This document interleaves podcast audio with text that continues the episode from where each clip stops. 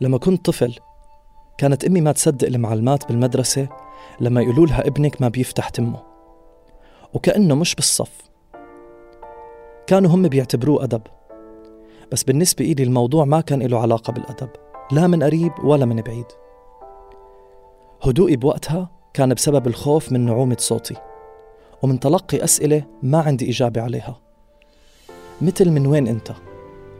وين أمك؟ مين أبوك؟ شو عيلتك؟ شوي شوي بس كبرت بلش يختفي الخوف من نبرة الصوت. صرت أحكي أكتر خاصة بعد ما عرفت إنه في طرق بتتيح لي المجال إني أتواصل مع الناس من دون ما أضطر إني أتنازل عن صوتي وهويتي وطريقتي بالكلام مثل رواية القصص. بتذكر أستاذي بالجامعة مرة حكالي إذا بدك العالم تسمع القصص اللي بترويها يا سليم احكي لهم القصص الأقرب إلك ولقلبك. بهالموسم رح أتساءل بصوت عالي وأحاول ألاقي إجابات على أسئلة كتيرة عن محيطنا المادي المكون من أجساد وبيوت وأكل وأواعي. كيف منأثر عليه؟ وكيف بيأثر علينا؟ بدي أحاول أبني ذاكرة بسيطة ولكن بنفس الوقت مربكة خيالية لكنها منطقية محسوسة مع إنها مش مرئية ولا مقروءة ويمكن مع بعض رح نقدر نوصل لمنطقة فيها تشابكات أجمل وأصدق عن ثنائية الجسد والروح. أنا سليم سلامة. بقدم لكم الموسم الخامس من بودكاست عيب من إنتاج صوت. بهالموسم رح نصغي لتجارب طبعت آثارها على ذواتنا وأجسادنا ولكن تم إنكارها لأنها ما زالت تعتبر بنظر المجتمع عيب. اليوم رح نسمع قصة إبراهيم. ورح نحاول نفهم مع بعض عن علاقتنا بالأمراض اللي بتجتاح أجسادنا من دون سابق إنذار ولا حتى علامات مرئية. أصعب إشي بواجهه الإنسان أنا بالنسبة لي مش الإفلاس مش الموت المرض. أكتر إشي بهد الشخص نفسيا وجسميا ومعنويا وفي كل إشي. يمكن زي ما بيحكوها لو لو بإيدي عصاي سحرية يمكن بخليش حدا مريض.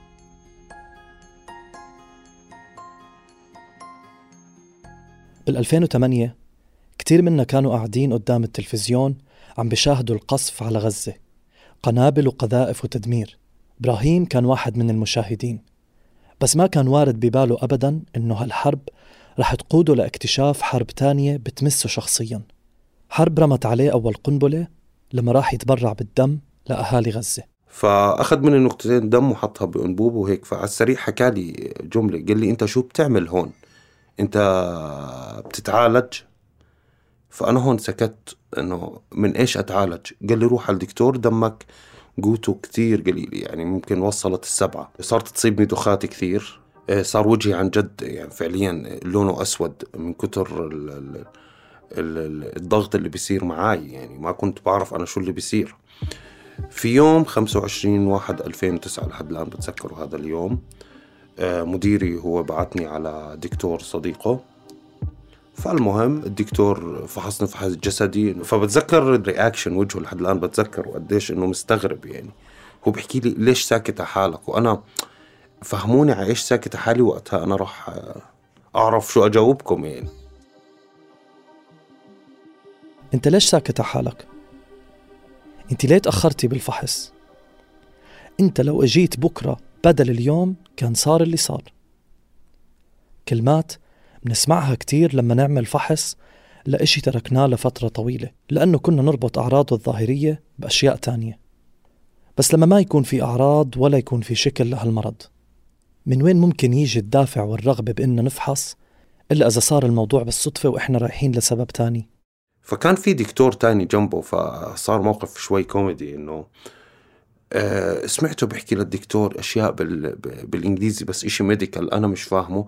بعدين سمعته بحكي maybe بهجت disease فأنا بهجت مين؟ ما أنا حكي له اسمي إبراهيم. هاي أساس بحكي اسمي بهجت كنت أنا ما بعرف إنه في مرض اسمه بهجت مرض بهجت مشكلته إنه جسمك بنهار من جوا وإنت ما بتحس.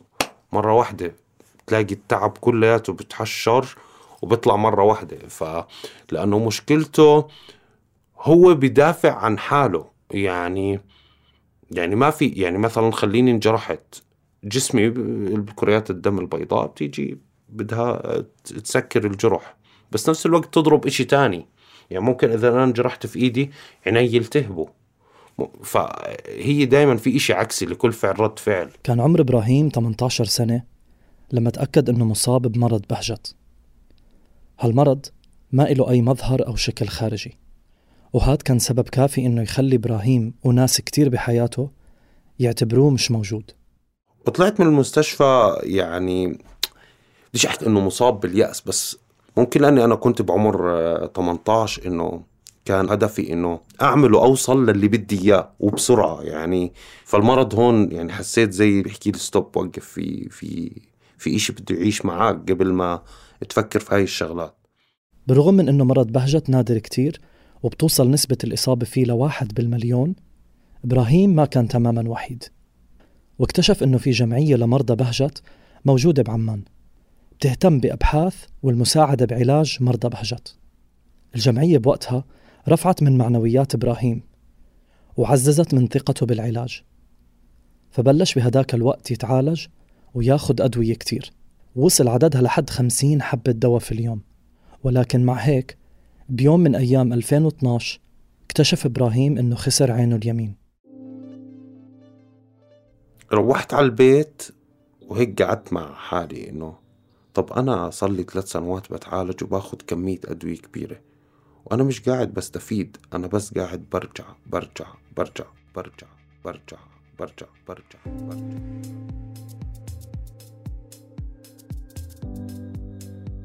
فقررت جبت كيس أسود لميت كل الأدوية اللي عندي كل الأشعة كل الفحوصات كل ورقة بتخص إنه إنه بت بت بديش أشوف أي إشي بخص مرض مرض بهجت. وكبيته كله في الحاوية. وقررت من سنة 2012 بدي أعيش. قديش ربنا بده يكتب لي عمر؟ إنه خلص بدي أعيشها بس بدون ما أتعب نفسيا بديش أنضغط بديش أدوية كثير خصوصا يعني الأدوية الكثير بتعمل مش اضطرابات نفسية بس بتخليه مزاجك مش مش حلو دائما يعني. تحس حالك ثقيل لأنه أدوية ثقيله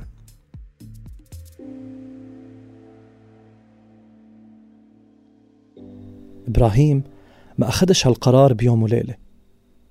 الدافع نفسه اللي خلاه ياخد العلاج عشان صحة جسمه تتحسن خلاه يوقف العلاج عشان نفسيته ترتاح. الحياة العملية صرت صارت أحسن صار الراتب كثير كويس. صرت أحس حالي إلي دور في المجتمع وإلي دور كإبراهيم. أنا كشخص موجود يعني قادر أنتج مش بس شخص عال شخص بدهم الناس تساعده لأنه هو مريض. يعني حسيت إنه أنا أخذت القرار الصح. نسيت المرض. قررت كمان يعني غير إنه إنه أوقف أدويتي إنه كمان أغير شغلي. يعني حسيت إنه بدي إشي جديد يعني عشان أنسى المرض. يعني اشتغلت بال 2015 كنت مدرس لغة عربية.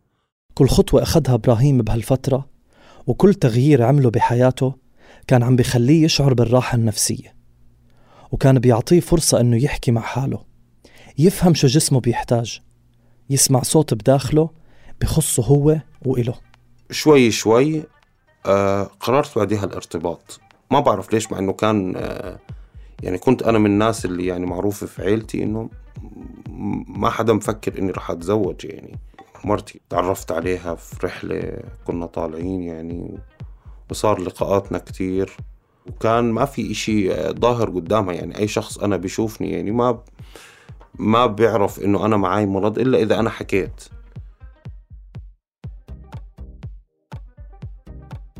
معظم الأحيان بتكون الأجساد اللي بنشوفها عبارة عن مرايا بتعكس لنا شو عم بيصير جوا الأشخاص اللي قدامنا.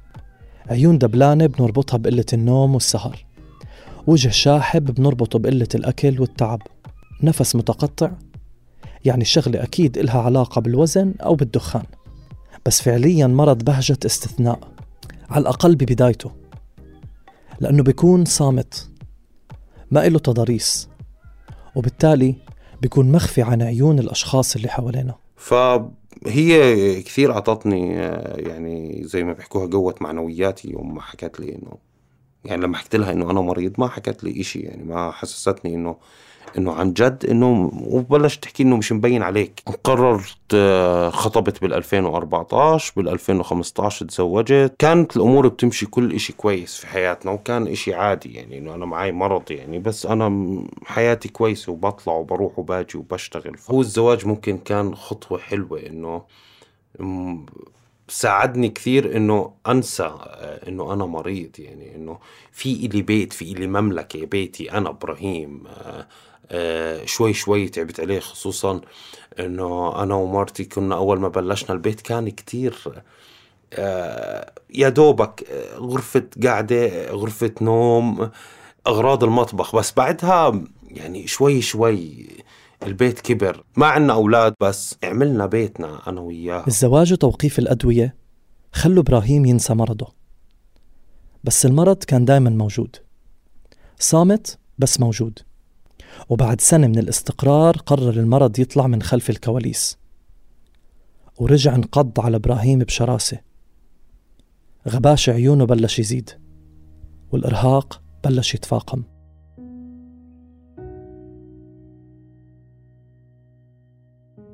أنا ب 7 1 2018 بتذكر كان عندي حصة 8 ونص الصبح.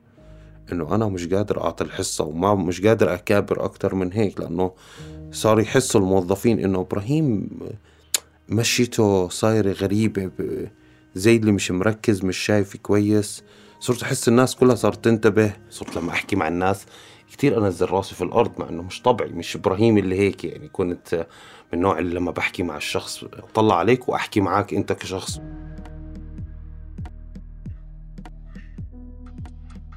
كلهم كانوا يعني أكثر من شخص. إبراهيم لاحظ عينك إنه أنت رايحين مثلا عينك اليمين رايحة جهة تانية. فعشان هيك كمان سبب من الأسباب اللي خلاني يمكن اكتئبت فتت مرحلة اكتئاب. يعني وصلت لدرجة إنه ما بدي ولا إشي. خلص أنا يعني عادي لو يعني لو سبت الشغل وسبت كل إشي وخلص. ما ما بدي حدا يعرف عني ما بدي حدا يحكي معي في البداية كان إبراهيم عنده خيار إنه يشارك مرضه مع الناس أو لا. وبمعظم الأحيان كان يفضل إنه ما يشارك. بس شوي شوي بلش المرض يفرض حاله من دون ما يستشير صاحب المرض. يعني بطلت المشاركة معتمدة على قرار إبراهيم بل أصبحت واقع مفروض. الناس ما بدي تتعامل معي كمريض تتعامل معي كصاحب. أهلي بدي إياهم يتعامل معي كإبراهيم أخوهم مش كإبراهيم. مريض ولازم علي ولازم نروح نسأل عنه ونزوره هيك. حتى مع مرتي كمان صراحة يعني لما نطلع نجيب أغراض فهي أنزل معك فلا. إنه مش من باب إنه لا زلمة وهيك إنه من باب إنه أنا ما مالني إشي مع إنه مالني إشي. بس المهم ما بدي حدا يحس إنه أنا عبء. الوصول لهالمرحلة أثر كتير على نفسية وجسد إبراهيم فقرر أنه يتقاعد على عمر الواحد وثلاثين. هالقرار ما كان سهل أبدا حتى أنه خلق عنده خوف من نظرة المجتمع إله خاصة أنه في كتير ناس ما كانوا عارفين أنه ترك الشغل بسبب المرض. والأهم من هيك قرار التقاعد خلى إبراهيم يشك باستمرارية علاقته بزوجته.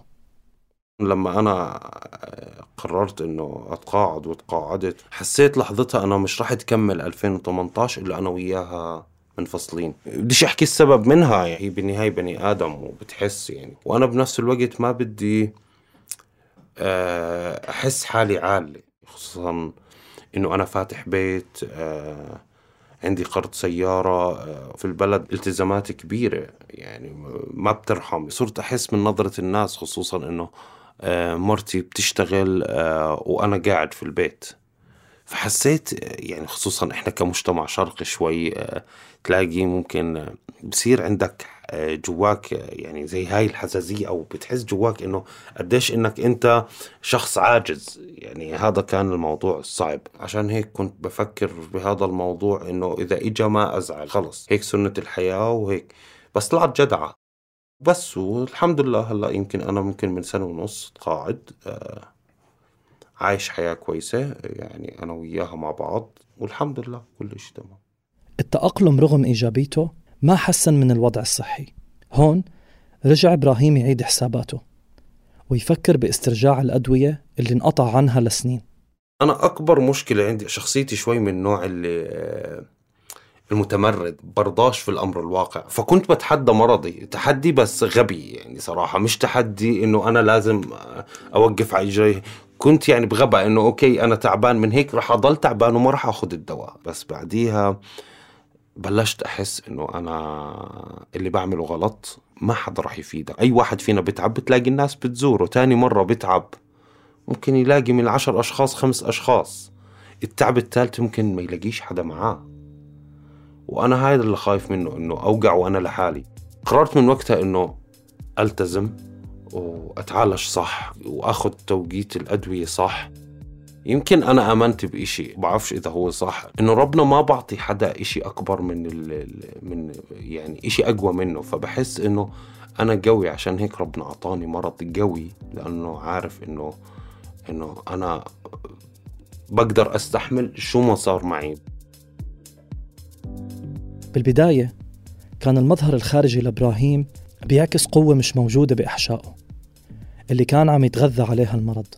بس مع تفاقم المرض انعكست الحكاية. صار مظهره الخارجي ضعيف بالرغم من القوة اللي كان إبراهيم حاسس فيها جواته. أكتر إشي بحتفل فيه إنه إنه قوتي لساتها موجودة القوة الداخلية يعني اللي برا اللي هي المظهر الخارجي اللي ممكن يبين إنه أنا مريض تعبان وهيك. بس جواي قوة تخليني إنه ما أوقفش. ممكن هذا الإشي اللي بحتفل فيه دايما إنه ما ما ما يئست ممكن أشخاص كثير تساعد مرضى تساعد فئات محتاجة في المجتمع. بس لما بتطلع بتحكي بتطلع تحكي شو شافت. بس ما بتطلع تحكي شو حست. لأنه هم مش حاسين في الإشي. أصعب إشي بواجهه الإنسان أنا بالنسبة لإلي مش الإفلاس مش الموت. المرض المرض عبارة عن عن أكتر إشي بهد الشخص نفسيا وجسميا ومعنويا وفي كل إشي. لو بإيدي عصاي سحرية يمكن آه، مش بغير الكون أو بغير الطريق بغير بخليش حدا مريض لأنه بعرف قديش إنه المرض صعب للناس. مش بس بهجت كتير أمراض بتكون صعبة للناس وأكيد مش بس إبراهيم اللي بيحاول إنه ما يبين للناس إنه هو مش مريض لا في أشخاص كتير زيي. في أشياء ما بتعرف الحدود اللي بنختار نرسمها بحياتنا مثل المرض.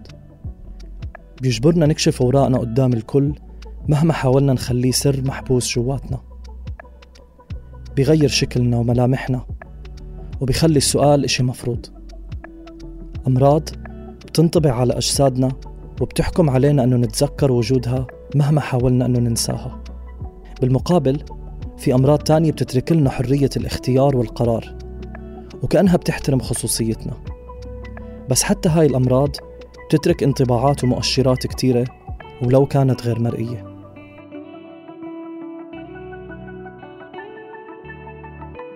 كنا معكم من الإعداد والتقديم سليم سلامة. تحرير تالا العيسى. ومن المونتاج ماهر ملاخ. النشر والتوزيع تولته مرام النبالي وجنى قزاز. وشارك بإنتاج هالموسم فريق صوت.